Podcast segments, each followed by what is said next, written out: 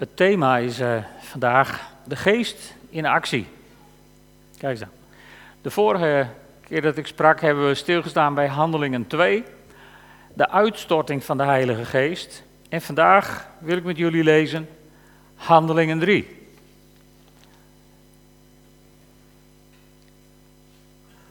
Handelingen 3. Op een dag staat er zo mooi. Wij zijn dan vaak geneigd om dat op de ochtend na Pinkster te plaatsen, maar dat staat er natuurlijk niet. Er staat op een dag, dus er kunnen best wat meer dagen tussen hebben gezeten. Maar goed, op een dag gingen Petrus en Johannes zoals gewoonlijk omstreeks het negende uur, dat is drie uur s middags, naar de tempel voor het middaggebed. Men had ook een man die al sinds zijn geboorte verlamd was naar de tempel gebracht. Hij werd daar elke dag neergelegd bij de poort die de Schone heet, om te bedelen bij de bezoekers van de tempel. Toen hij zag dat Petrus en Johannes de tempel wilden binnengaan, vroeg hij om een aalmoes. Petrus richtte zijn blik op hem, evenals Johannes, en zei: Kijk ons eens aan. De bedelaar keek naar hem op in de verwachting iets van hen te krijgen. Maar Petrus zei: Geld heb ik niet. Maar wat ik wel heb, geef ik u. In de naam van Jezus Christus van Nazareth, sta op en loop. Hij pakte hem bij zijn rechterhand om hem overeind te helpen. Onmiddellijk kwam er kracht in zijn voeten en enkels. Hij sprong op, ging staan en begon te lopen. Daarna ging hij samen met hen de tempel binnen, lopend en springend en God lovend. Alle tempelbezoekers zagen hem lopen en hoorden hem God loven. Ze herkenden hem als de bedelaar die altijd bij de tempelpoort had gezeten en waren buiten zichzelf van verbazing over wat er met hem was gebeurd. De bedelaar klampte zich vast aan Petrus en Johannes, terwijl de hele menigte stom verbaasd rond hen samenstroomde in de zuilengang van Salomo. Toen Petrus dat zag, richtte hij het woord tot het volk: Israëlieten, waarom bent u zo verbaasd en waarom staart u ons aan alsof het aan onze eigen kracht of vroomheid te danken is dat deze man weer kan lopen? Dit kon gebeuren omdat de God van Abraham en de God van Isaac en de God van Jacob, de God van onze voorouders, aan Jezus zijn dienaar de hoogste eer heeft bewezen. Het is deze Jezus die door u is uitgeleverd en verstoten en toen, ook toen Pilatus bereid was hem vrij te laten. U hebt de heilige en rechtvaardige verstoten en geëist dat aan een moordenaar gratie verleend zal worden. Hem die de weg naar het leven wijst, hebt u gedood. Maar God heeft hem uit de dood doen opstaan en daarvan getuigen wij. Het komt door zijn naam en door het geloof in zijn naam dat deze man die u hier voor u ziet en die u kent kan lopen. Het geloof dat Jezus schenkt, heeft hem in aanwezigheid van u allen gezond gemaakt. Volksgenoten, ik weet dat u uit onwetendheid hebt gehandeld, evenals uw leiders. Zo heeft God echter in vervulling doen gaan wat hij bij monden van alle profeten had aangekondigd: dat zijn Messias zou lijden en sterven. Wend u af van uw huidige leven en keer terug tot God om vergeving voor uw zonden te krijgen. Dan zal de Heer een tijd van rust doen aanbreken en hij zal de Messias zenden die hij voor u bestemd heeft. Dat is Jezus die in de hemel moest worden opgenomen tot de tijd aanbreekt waarover God van oudsher bij monden van zijn heilige profeten heeft gesproken en waarin alles zal worden hersteld. Mozes heeft al gezegd, de Heer uw God zal in uw midden een profeet zoals ik laten opstaan. Luister naar hem en naar alles wat hij u zal zeggen. Wie niet naar deze profeet luistert, zal uit het volk gestoten worden. Samuel en alle profeten na hem hebben deze tijd aangekondigd. U bent de erfgenamen van de profeten. Met uw voorouders heeft God een verbond gesloten toen hij tegen Abraham zei: In jouw nageslacht zullen alle volken op aarde gezegend worden. God heeft zijn dienaar allereerst voor u laten opstaan en hem naar u gezonden om ieder van u die zich afkeert van zijn slechte daden te zegenen. Tot zover. Zoals ik al zei, op een dag. Dus het hoeft niet de ochtend na Pinkster geweest te zijn. En het negende uur, dat was om een uur of drie smiddags, want de Joodse dag begon om zes uur s ochtends als de zon opkwam. Dus zo om een uur of drie zijn Petrus en en Johannes, die zijn op weg naar de tempel. Gewoon omdat dat de tijd is waarop het offer werd opgedragen.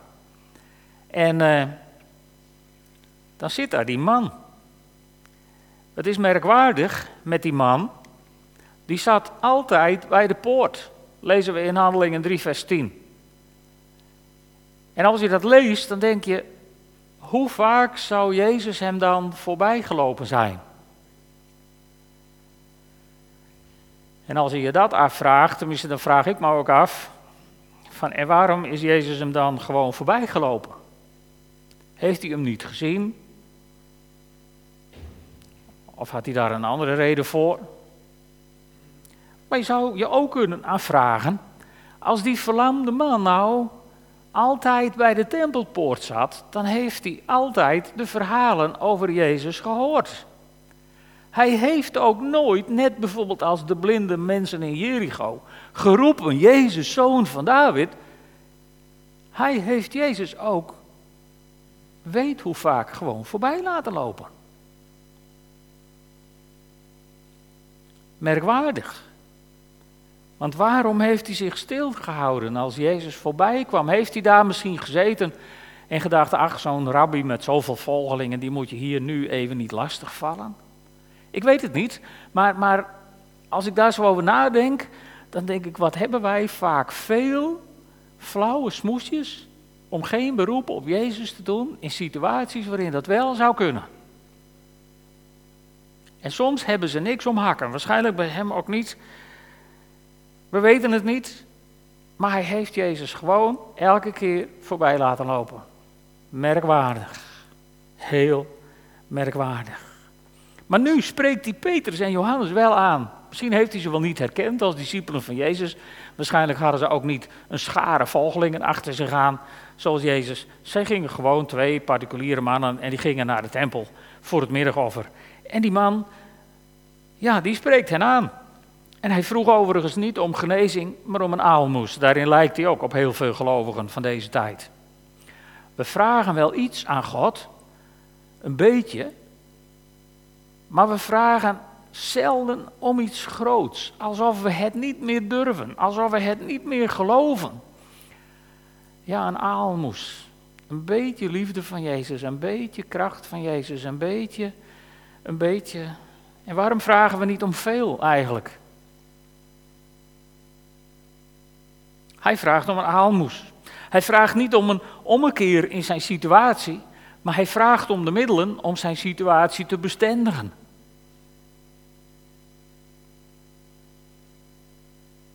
Daar is niks mis mee. Het is natuurlijk prima.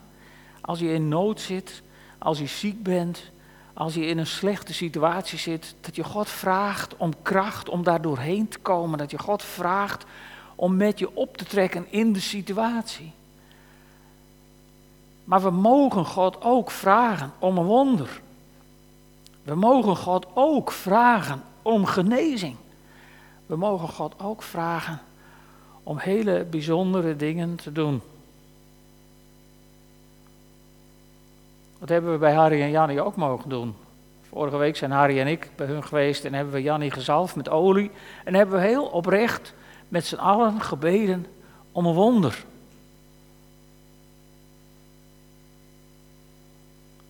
En, en toen vrijdag het bericht kwam dat het wonder nog niet was gebeurd, ja, dan ben je verdrietig en dan richt je je tot God en dan mag je ook prima je tot God richten om kracht en om moed en om, om zijn aanwezigheid. Maar waarom vergeten we zo vaak om daarnaast toch om dat wonder te blijven vragen? We hebben dat vrijdag weer gedaan met elkaar. Ik moet zeggen, en daar zijn Harry en Jannie ongelooflijk moedig in. Toch weer vragen om een wonder. Toch blijven volhouden. Ik heb één keer bij iemand anders op zijn sterfbed gezeten. De dag voordat hij stierf. En toen had die persoon die had één beleidenis. God is mijn geneesheer. Ook als hij mij niet geneest. En hij bleef hopen op een wonder tot zijn laatste adem. Kijk, dat is, dat is hoe we erin mogen staan als christenen als het leven niet gaat zoals wij graag zouden willen. En, en, en we zijn als mensen hele vreemde, dualistische wezens, vind ik. Want, want als ik jullie vragen om, om, om te gaan staan en we gaan bidden, Heer, kom spoedig, dan hoor ik allemaal mensen die zeggen, ja, Heer, kom spoedig. En als de Heer dan van boven zegt, nou, kom jij nou eens spoedig bij mij, dan piepen we allemaal van, nou, nou al, uh, we zijn dualistische mensen, weet je. We zijn geschapen om te leven. En, en, en als ons leven in gedrang komt, dan gaat ons hele lijf, als het ware, buiten onze wil om, in een soort alarmmodus. Zo heeft God ons gemaakt. Dat is ook niet erg. Het is goed om, om ons dat bewust te zijn. Maar deze man die vraagt dus niet om, om, om een, een beëindiging van zijn toestand. Hij vraagt om de middelen om, om ermee verder te kunnen. En het kwam waarschijnlijk helemaal niet in deze verlamde man op dat genezing een optie is. En, en vaak ontmoet je ook christelijke mensen voor wie genezing helemaal geen optie is. We hebben in de theologie ook de tijd gehad waarin, waarin we zijn gaan beweren, nee, toen de laatste apostel stierf, toen was dat voorbij. De streeptheologie, weet je, van dat is het niet meer. En ik geloof dat niet. Ik bid voor elke zieke die ik tegenkom en ik bid altijd om genezing. En soms gebeuren er geweldige dingen en nee, altijd gebeuren er geweldige dingen. Ik moet mezelf corrigeren. Op de laatste oasisdienst hier in deze kerk mocht ik spreken en toen had ik als thema uitgekozen: God doet nooit niks. Ook als God niet doet wat jij hebt besteld en wat je vindt dat hij zou moeten doen, dan doet hij nog, doet hij wat. Want hij tilt je op uit je situatie, hij geeft je kracht, hij geeft je moed om door dingen heen te gaan waar je zonder die kracht van God never, nooit heen zou kunnen. Het is bijzonder. God doet nooit niks, hij doet altijd wat. Maar goed, deze man was helemaal nog niet eens tot geloof gekomen. Hij zat daar te bedelen en hij vraagt om een aalmoes en hij zegt, Petrus, kijk eens naar me. En die man die denkt, kassa. Dus die richt zijn blik op Petrus en die moet buitengewoon teleurgesteld zijn toen Petrus zei, sorry, maar ik heb geen geld bij me pinnen kon ook nog niet in die tijd. Dus dan ging het. En die man die denkt, nou, had me dan niet gestoord. Misschien. In ieder geval. En dan zegt Petrus, die zegt iets heel bijzonders tegen deze man.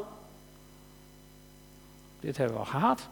Dan zegt hij tegen deze man, maar wat ik wel heb, dat geef ik je. En weet je, moet het verhaal thuis nog maar eens een paar keer nalezen. Dit is een buitengewoon intrigerend zinnetje. Want wat dacht Petrus dan te hebben? Geld heb ik niet, maar wat ik wel heb, geef ik je.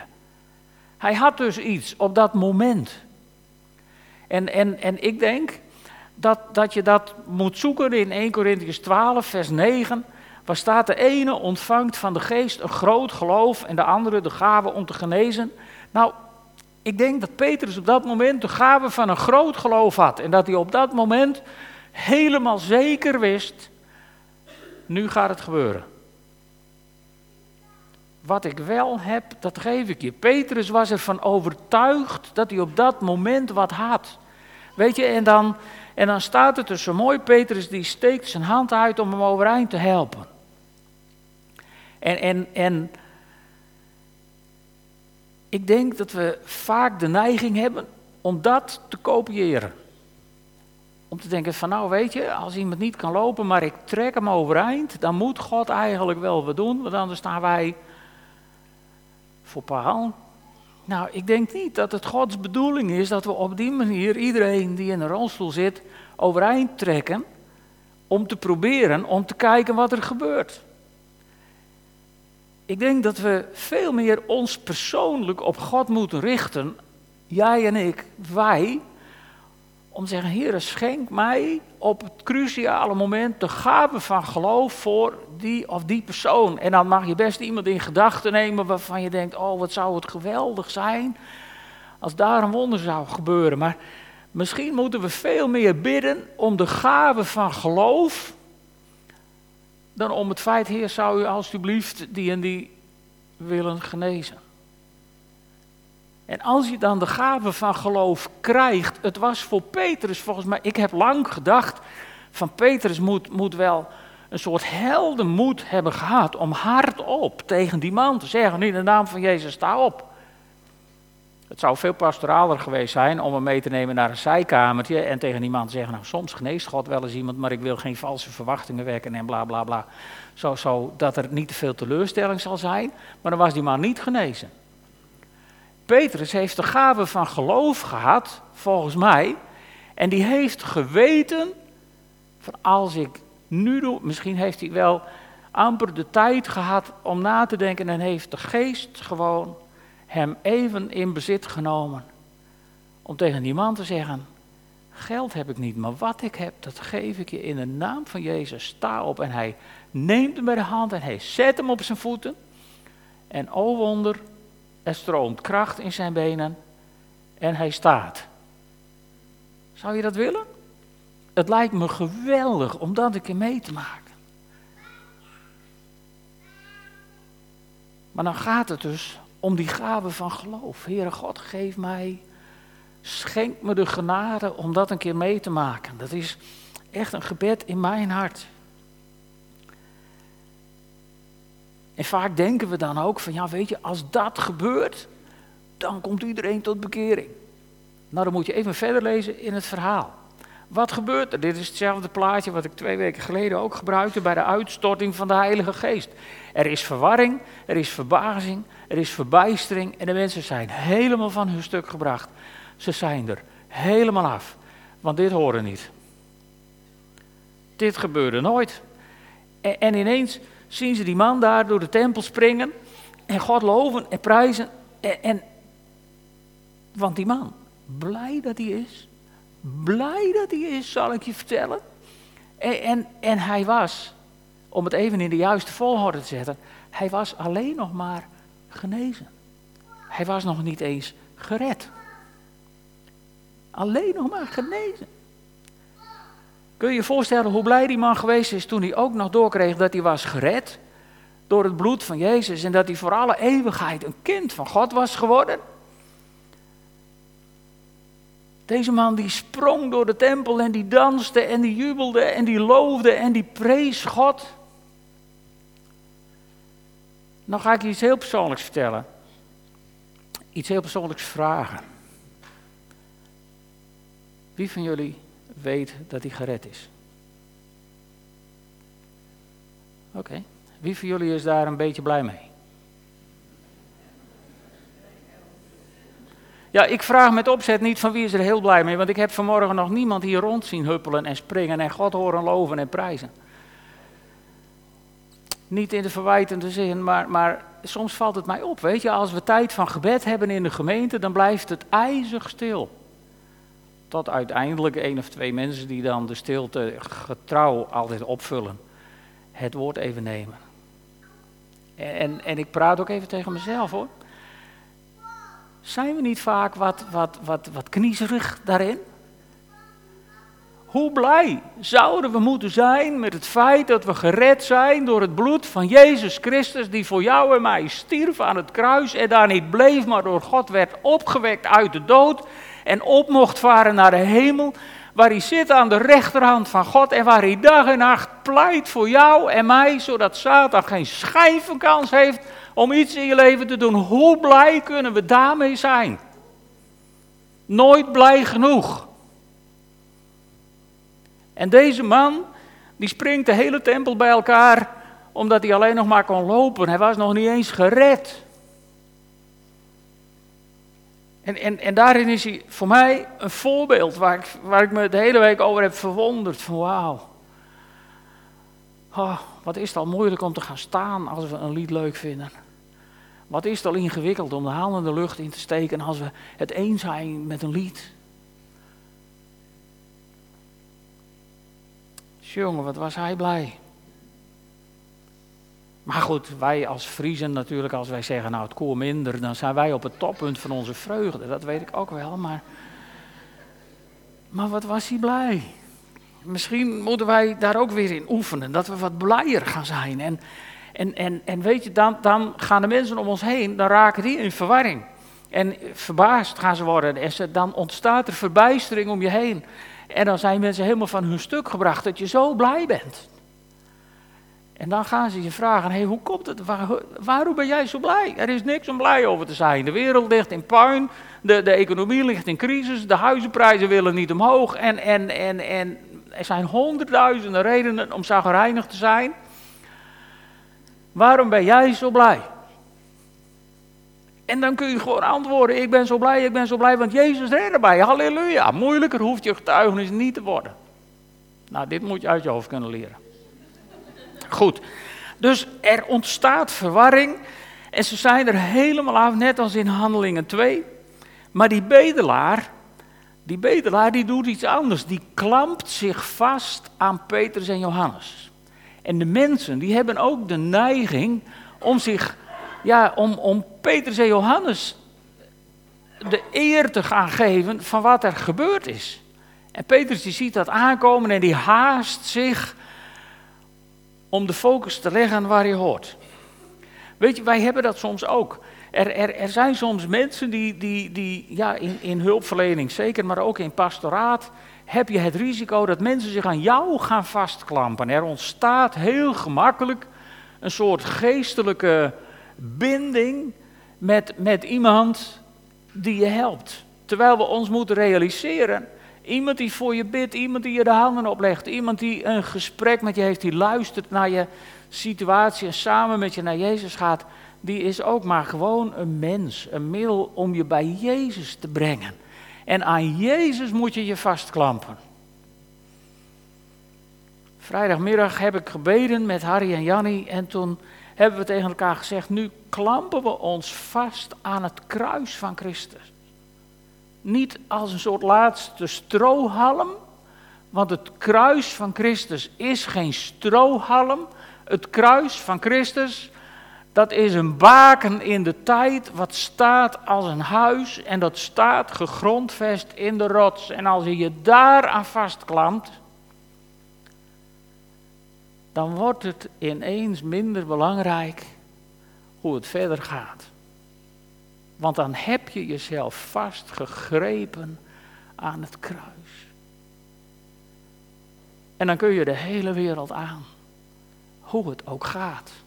Want dan ben je onwankelbaar geworden. Dan sta je vast op de rots naast Jezus. En Petrus die maakt de mensen duidelijk van denk erom. Niet wij, niet ik, maar Jezus. Ja, en dan moet hij natuurlijk met die Joden wel, wel een beetje een, een, een moeilijk gesprek hebben. Want ja, dan, dan, dan gaat het over Jezus die, die toch kort geleden gekruisigd is. En de Joden die hebben met z'n allen staan roepen in Jeruzalem, kruisig hem. En, en, dat weten ze ook allemaal nog wel. Dus, dus het wordt een beetje pijnlijk, zou je zeggen. Maar Petrus die laat het niet bij de dood van Jezus. Hij, hij hij verwijst ernaar dat God uit de dood is opgewekt.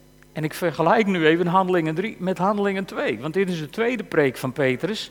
En die, en die gaat bijna net zo als de eerste preek van Petrus. Er zit een prachtig stramien in. Ook in deze preek komt hij bij Jezus, die is opgestaan uit de dood. Prachtig. En, en hij zegt opnieuw, daarvan getuigen wij. Dat zei hij in handelingen 2 ook al. Daarvan getuigen wij. Doen wij dat ook? Als je met mensen spreekt, durven we dan het even te hebben over Jezus die uit de dood is opgestaan. En daarvan getuigen wij, van de levende Heer, van de levende God, van Jezus Christus, de Zoon, opgevaren ten hemel. Daar komt hij dan, daar komt hij dan ook nog zo mooi even bij. En... Uh, en dan zegt, dan zegt Petrus dat zo mooi. Het komt door zijn naam en door het geloof in zijn naam dat deze man die u hier voor u ziet, kan lopen. Het geloof dat Jezus schenkt en in hem aanwezig is, wat jullie gezond maakt. Het geloof dat Jezus schenkt, zegt Petrus hier ook nog. Weet je, dat, daar sluit hij geweldig aan. Nog een keer op 1 Korinthe 12, vers 9. Het geloof, Petrus erkent hier persoonlijk dat toen hij zei van wat ik heb, dat geef ik je, dat was het geloof wat Jezus hem schonk op dat moment. Hij kende zijn tijd en hij kende de stem van de Heer en hij verstond de Heilige Geest zo dat hij wist van yes, nu is het moment. En daar reageerde hij op een geweldige manier op. Maar wat ik nou zo mooi vind ook, ik vind het hele verhaal mooi, maar het, het volgende punt waar ik met jullie even bij stil wil staan, is dat Petrus niet veroordeelt. Petrus die staat niet te wijzen van jullie, dat heeft de kerk later wel gedaan hè, naar de Joden, van jullie hebben onze Jezus vermoord. Zo is Petrus helemaal niet. Petrus die, die loopt niet met de vinger te wijzen. Petrus die zegt, vind ik zo mooi dat hij dat zegt. Hij zegt, ik weet dat jullie uit onwetendheid hebt gehandeld. Evenals je leiders. Met andere woorden, hier is geen veroordeling. Hier sluit Petrus eigenlijk geweldig aan bij Johannes 3, vers 17. God heeft zijn zoon niet naar deze wereld gestuurd om een oordeel te vellen, maar om de wereld te redden. En Petrus die rekt zich uit tot het uiterste om zijn volksgenoten te redden. Hij laat ze zien wat er is gebeurd. En hij zegt, jullie hebben uit onwetendheid gehandeld. Met andere woorden, er is vergeving bij God. Hij rekent het je niet aan, maar als je je nu bekeert, dan is er een weg tot God. Super dat hij dat doet en hij maakt noodzakelijk dat die bekering er moet zijn. In vers 19 wendt u af van uw huidige leven en keert terug tot God om vergeving te krijgen voor uw zonden. Dat had hij in Handelingen 2 vers 38 ook al gezegd. Keer u af van uw huidige leven en laat u dopen en ontvang de Heilige Geest. Dus, dus Petrus is heel consistent in zijn onderwijs. En uh, ja, soms moet je je gewoon opnieuw bekeren. We hebben dat uh, mooie lied gezongen, Investigate, onderzoek. God kijkt naar mijn leven, zie of in mij een weg is die mij niet schaadt en leidt aan u voorbij. Weet je, Psalm 139. Dat is niet iets voor het moment waarop je voor het eerst tot geloof komt. Dat is iets voor elke dag van je leven. Heer, is er in mij iets wat onze relatie kan beschadigen? Laat het me zien. Overtuig me ervan in mijn hart, Heer, want dan wil ik me opnieuw bekeren. Dan wil ik me daarvan afwenden en dan wil ik verder met u. En dan is God daar niet van, oh, oh, oh, jij smerig varken. Dan is God daar zo van mijn geliefde kind. Welkom thuis. Dan is daar vergeving, want er is bij God geen veroordeling. Hoe je hoe je, je ook hebt misdragen. Geen veroordeling. En het mooie is dat, uh, dat Petrus dan ook nog even naar de, hemelvaart verwijst in zijn preek. En dat hij dan vooral, vooral terugkomt bij de belofte aan Abraham. En dan wordt het stuk echt spannend voor ons. In vers 25, daar zegt hij tegen die Joodse mensen voor hem: U bent de erfgenamen van de profeten. Met uw voorouders heeft God zijn verbond gesloten toen hij tegen Abraham zei: In jouw nageslacht zullen alle volken op aarde gezegend worden. Dat zei God in Genesis 12, vers 1 tot 3. Dan zegt de Heer tegen Abraham: Trek weg uit je land, verlaat je familie, verlaat ook je naaste verwanten en ga naar het land dat ik je zal wijzen. Ik zal je tot een groot volk maken. Ik zal je zegenen en je aanzien geven. Een bron van zegen zul je zijn. Een bron van zegen betekent dat andere mensen daardoor dus gezegend gaan worden. Ik zal zegenen wie jou zegenen, wie jou bespot zal ik vervloeken. Alle volken op aarde, en dan staat er in de nieuwe Bijbelvertaling zo cryptisch, zullen wensen gezegend worden als jij. In de meeste andere vertalingen staat dat. Uh, alle volken op aarde door jou gezegend zullen worden, zoals Petrus het citeert in Handelingen 3.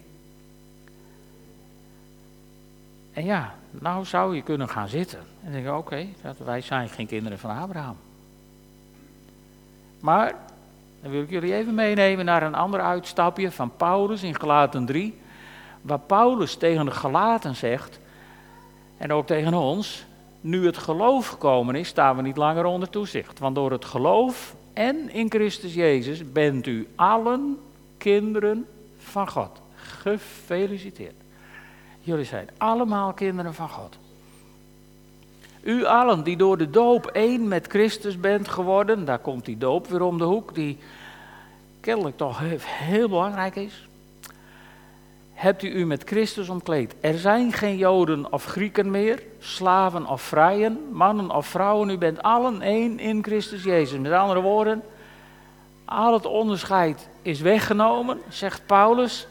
En omdat u Christus toebehoort, bent u nakomelingen van Abraham, erfgenamen volgens de belofte. Zijn we dat geworden in plaats van Israël? Nee, absoluut niet. Op geen enkele manier.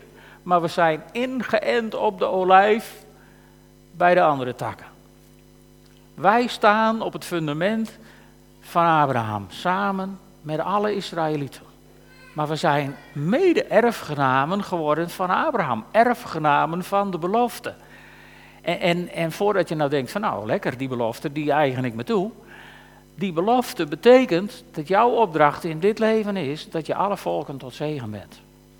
Dat de mensen om je heen, dat je een bron van zegen bent voor iedereen die je de komende week tegen het lijf loopt. Een bron van zegen. Wauw. En weet je, en daar ga ik mee afsluiten. Dat, dat leidt me tot een heel gewaagd stukje. Misschien moet je straks thuis eens voor de spiegel gaan staan en jezelf heel diep in de ogen kijken en tegen jezelf zeggen: De geest van de Heer rust op mij. Want je bent toch vervuld met de Heilige Geest, of niet? De geest van de Heer rust op mij, want Hij heeft mij gezalfd om aan armen het goede nieuws te brengen heeft hij mij gezonden. Om aan gevangenen hun vrijlating bekend te maken. En aan de blinden het herstel van hun zicht. Om onderdrukten hun vrijheid te geven. Om een genadejaar van de Heer uit te roepen. En dan hoef je de boekrol niet op te rollen, want die heb je dan toevallig niet in je hand waarschijnlijk. Maar dan mag je daar achteraan tegen jezelf zeggen: Vandaag is deze schrifttekst in mijn leven vervuld. Wauw. Wat een kerk zouden we zijn als iedereen daar het in het merg van zijn botten van overtuigd zou zijn. Mag ik jullie vragen op te staan? Dan gaan we samen bidden.